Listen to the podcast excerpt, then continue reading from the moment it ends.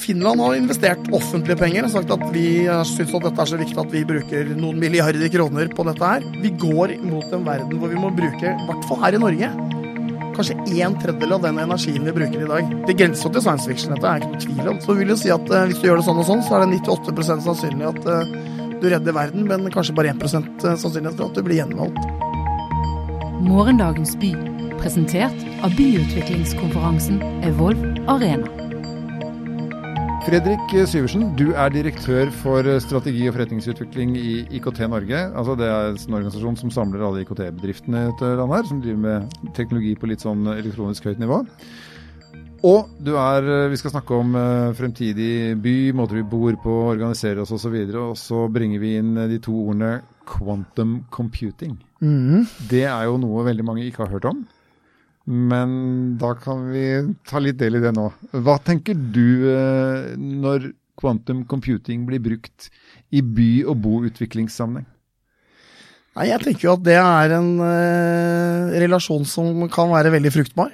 At det å bruke datakraft, som dette er, da, på en helt ny måte, som det også er, for å løse eh, utfordringer som knytter seg til byutvikling, hvordan man bor, lever, kjører, eh, sykler, eh, spiser. Mm. Eh, det er alt man gjør i en by. Så kan dette være en, et instrument eller et verktøy som gjør det enklere å teste ut, prøve ut, eh, simulere eh, løsninger som antageligvis eh, er på vei, og som man kan eh, teste ut før man eventuelt implementerer det og gjør feil i real life istedenfor på tegnebrettet. For dette her er bruk av datakraft med langt flere parametere og inputs enn det vi er vant til. Det er eh, både teorien og det som nå er i ferd med å komme ut i praksis, at dette gjør det mulig å regne på mange, mange, mange flere parametere. Mye raskere og med større presisjon enn det vi har gjort før. Ok, så sånn, sånn litt Bare for å ta et sånn populistisk eksempel, da. Hvis et, en grønn politiker på en måte har alt fullstendig klart for seg og sier at innen 2040 så har jeg nådd målene mine, da kommer jeg til å ha redda verden. Og så kan denne computeren si at, eller dette, denne måten å gjøre det på, si at ja, det går kjempefint, det, men du blir ikke gjenvalgt i 2032. Ja, det kan da være det lille parameteret som gjør det litt vanskelig å være politiker, selvfølgelig. Ja. Men, men, ja, i prinsippet så er jo det det mulig da, sånn på tegnebrettet. Altså, det er jo en sannsynlighetsberegning, egentlig. Mm. Så vil jo si at uh, hvis du gjør det sånn og sånn, så er det 98 sannsynlig at uh, du redder verden, men kanskje bare 1% sannsynlighet for at du blir gjenvalgt du... lenge før. da. Så da har du en utfordring som politiker, selvfølgelig. Du må justere prosjektet ditt. Ja. Eh, du har, jeg vet at du har noe, gjort deg noen tanker om en, den herværende pandemisituasjonen vi har vært i. Eh, hvor dette kunne vært brukt eh, for å gjøre ting mer presist og effektivt? Altså, vi har snakket litt med folk som virkelig kan dette, som jobber med dette, som er kvantifysikere. og De sier at egentlig den måten å jobbe med kan passe perfekt til å finne ut hva som er den optimale vaksinestrategien. da. For der har du veldig mange parametere. Det er alder på befolkningen, det er hvor de bor, eh, kanskje hvordan de lever. Eh, hvor minst, mange hjemmekontor, hvor mange sitter på bussen. ja. Ikke sant, alt det der. Mm. Eh, kanskje også legge inn at eh, noen er genetisk mer tilbøyelig for å, få korona. Det fins det vel eksempler på nå. Mm. Eh, du kan sikkert legge på noen, noen kjønnselementer og, og, alt mulig sånt. Og du kan fort vekk du oppi 100 forskjellige parametere sånn at du ønsker å få et svar på. Hvem skal få først, når og hvor. Å få et sånt relativt presist svar da, på hva som er den optimale strategien i en gitt kontekst. Da. Uh, om det da er at vi har få vaksiner inn, så vil det være et parameter som gir et annet svar enn mange, f.eks. Og dette vet vi jo at eh, FHI driver og regner på dag og natt, har vi inntrykk av i hvert fall. I hvert fall akkurat nå.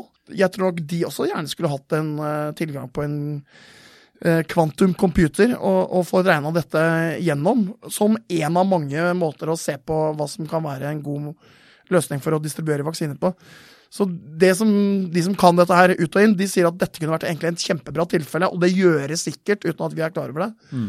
for å se på om dette, om, eh, om kvantecomputing virkelig kan være et, et hjelpemiddel. Og alt tyder på at akkurat sånn tilfelle vi er i nå, så kunne dette vært supert for å korrigere litt. Det høres, altså Inntil nå så høres det kult ut. ikke sant? For Da skal man legge inn alle parameterne. Man skal prøve å gjøre så presise beregninger som overhodet mulig. Uh, for hvis noen måtte lure, det kan, Dette kan være fremtidig trafikkbilde. Det kan være uh, fremtidige pandemier, og hvordan vi skal håndtere hvilke butikker skal vi stenge, hvilke skal vi ikke stenge osv. For vi har lært mye og kan putte inn mye i parameterne. Men så kan man jo bringe inn uh, sånne ord som en del mennesker syns er litt skumle. da. Eh, maskinlæring, altså det vil si maskiner som lærer av uh, hverandre. Uh, stort innenfor helsevesenet f.eks. Tenk hvis uh, alle datamaskiner som skal operere kreft, hadde lært av alle krefttilfeller i hele verden. Da hadde du hatt verdens beste, mest erfarne datamaskin. Og så har du kunstig intelligens. Mm. Og det er klart, putter du sammen de tingene, så kan kanskje vi få litt følelsen at dette tar av. At vi på en måte bare sitter og venter på en eller annen løsning som er best for oss, men som vi ikke er i stand til å finne sjøl, og det er det eneste vi veit. Vi må la datamaskinene fikse alt for oss. Ja, nei, det er klart det, er et Om det er reelt scenario, det kan sikkert diskuteres, men at det er noe vi må tenke på, det er jeg helt enig i. og Siden jeg vet at du kjører Tesla, da, Anders, så, så er jo Elon Musk en av de som er veldig opptatt av den nedsiden da, med kunstig intelligens. Ja. Og at uh, hvis vi ikke passer på, så, så løper liksom maskinene fra oss.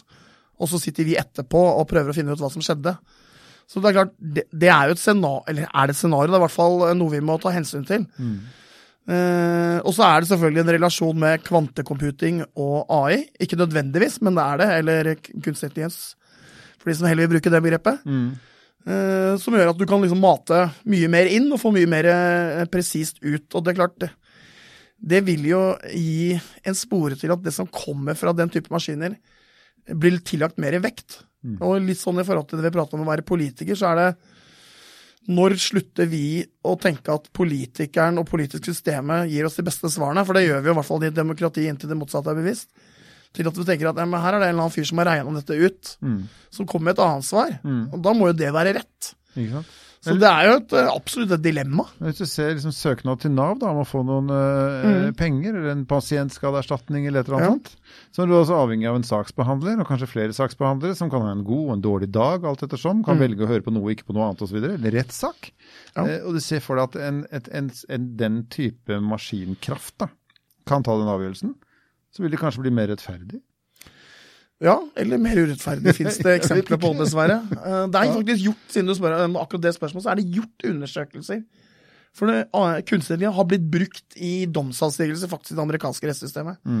Og det viser seg at uh, uh, den sannsynligheten at vi liksom antar at folk har gjort noe, den gjenspeiler seg også når du bruker kunstig intelligens. Så det at du antar at en, for å være helt blønt ærlig, en ung svart mann i USA har gjort noe galt, det gjenspeiler seg også når du be- benytter teknologi. Og da begynner det å bli litt Da er det jo ordentlig skummelt. Og av samme grunn så er statistikken skulle tilsi at han har gjort noe galt også. Flere ganger man bruker den statistikken, hvor riktigere blir den jo. Nettopp. Ja. Og det er jo den iboende effekten som man prøver å korrigere for, da. Men den er der, og helt åpenbart et problem. Ja, det, for den vil jo være et, et problem og en utfordring med, med både maskinlæring og eh, AI eller kunstig intelligens. Ja. Det er det man kaller for bias, da, som er den dumme engelske forkortelsen. eh, Eller ikke forkortelsen. Men, men det at man er tilbøyelig til å gjøre bestemte valg basert på, på historikk, og det og hvis dataen er eh, tilbøyelig til å gjøre noe, så vil det liksom bare forsterkes. Da. Det er en utfordring. Men nå er du direktør intet mindre for strategi og forretningsutvikling i IKT Norge, som på en måte skal være spydspissen for hvem som måtte stå for dette i landet vårt. Ja. Det vil jo ikke Ja, med mindre Kina kommer og fikser det på et eller annet vis, men, men la oss si at det er deg og dine bedrifter. Uh, føler du at det, utviklingen vi går inn i er bra, eller eh, skygges den over av for mye som er skummelt? For det vet jeg veldig mange tenker på. Ja, jeg, jeg syns kanskje det. At det er litt sånn Vi er veldig opptatt av at det som er ikke bra, og så er vi veldig opptatt av at eh, det må være rettferdig, og det er jo vel og bra. eh, og, det, og det er klart det er viktig. Men så, vi, så er vi ofte mindre opptatt av hva kan dette her brukes til. Hvordan kan det drive verdiskaping? Hvordan kan vi bli bedre på oppdrett av fisk? Hvordan kan vi operasjonalisere dette i form av at vi bruker mindre strøm, eller at bilene våre fungerer bedre, veiene våre blir bygd billigere, sykehjemmene og sykehusene våre gjør en bedre jobb for de som bor og, og lever der, osv., osv. Og det ofte syns jeg overskygges av at uh, vi, vi, blir dratt med liksom, i skremselspropaganda til om det er Elon Musk eller andre at dette er liksom farlig. Og det, det skal man selvfølgelig være klar over.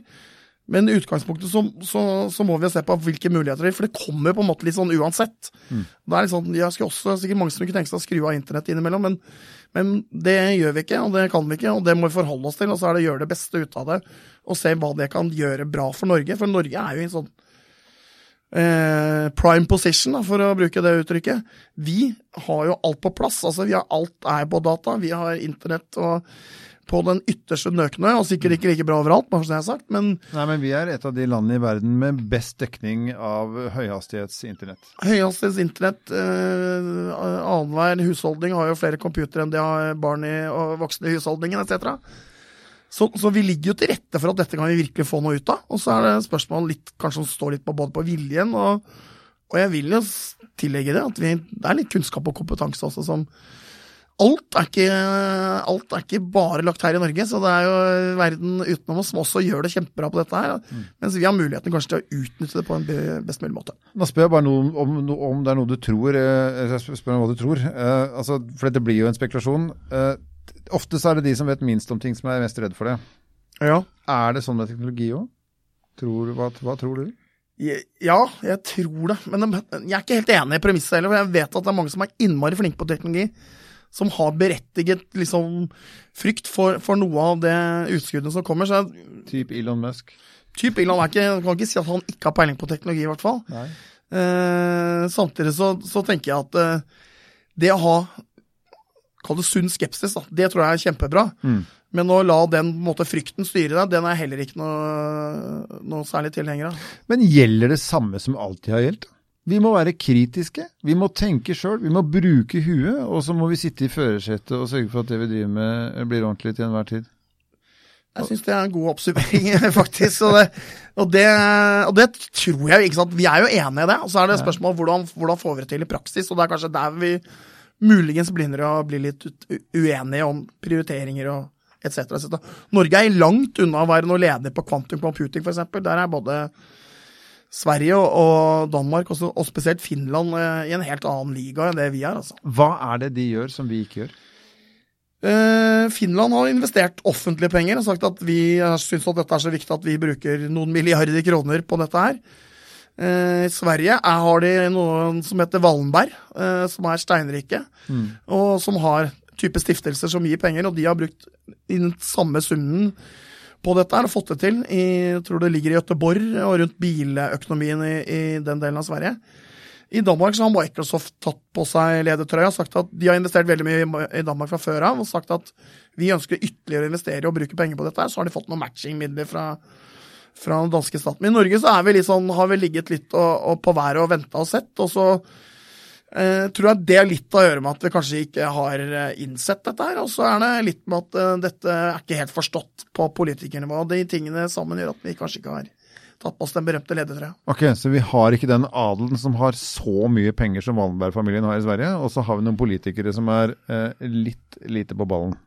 Ja, og så tror jeg også ta Wallenberg, da. De har både Pengene har de mye bøtter og spann, men de har også den der driven, den industrikompetansen, som gjør at uh, shit, vi er Sverige, liksom. Vi har Eriksson, vi har Volvo, vi har ditt og datt. Dette kommer til å bidra til at de industriene som de også har en investering i. De er ikke råvareselgere?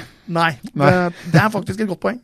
Hvor er Birkeland og Eide når vi trenger dem? ja, nei, det var det. Det må gå an å pumpe Nei, ikke på livet, det kan vi ikke gjøre, men, uh, men den industrispiriten som de la fram, det er klart det det sies jo at eh, når eh, Birkeland dro, eh, lånte penger, så lånte han nesten et, et, statsbudsjett for å sette i gang Hydro. Mm. Og det er klart, det, Vi skal ikke be om et statsbudsjett i norske penger akkurat i år, men det å tenke at det å investere mye i noe, mm. det kan faktisk ha noe for seg. Og akkurat i disse dager så renner jo milliardene ut av eh, eh oljelomma vår for hvert sekund som går. Så det, dette kunne faktisk vært noe som har vært med på å bygge fremtida. Men du mener også at det er alt ligger til rette i Norge for å kunne gjøre og bli store på teknologi? Fordi så mange eh, tar del i, eh, i, det teknisk? Altså alle har smarttelefon, alle har bredbånd, alle har alt. Men at det står på eh, funding, rett og slett? Akkurat på kvantecomputing så gjør det det.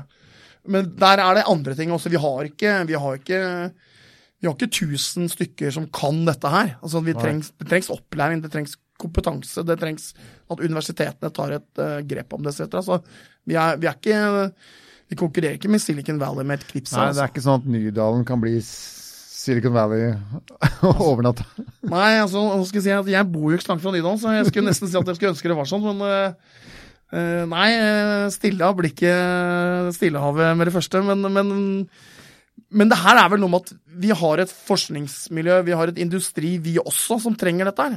Og de trenger å ha det på, på i nærheten av seg selv og på norske, i norsk, norsk farvann, for å si det på den måten. Hvis vi trekker det helt ned, så kan vi jo si at uten teknologi så kunne ikke det hårløse mennesket sånn evolusjonsmessig levd i Norge.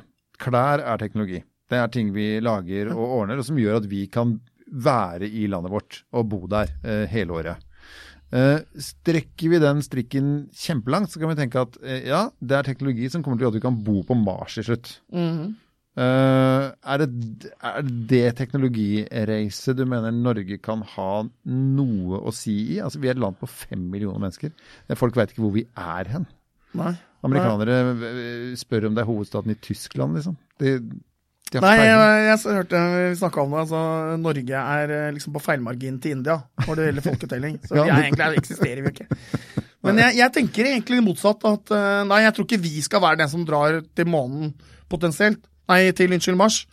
Gjerne månen òg, men, eh, men jeg tror at vi har fiskeindustri som er kjempestor i verden, og som driver veldig mye verdiskaping i Norge.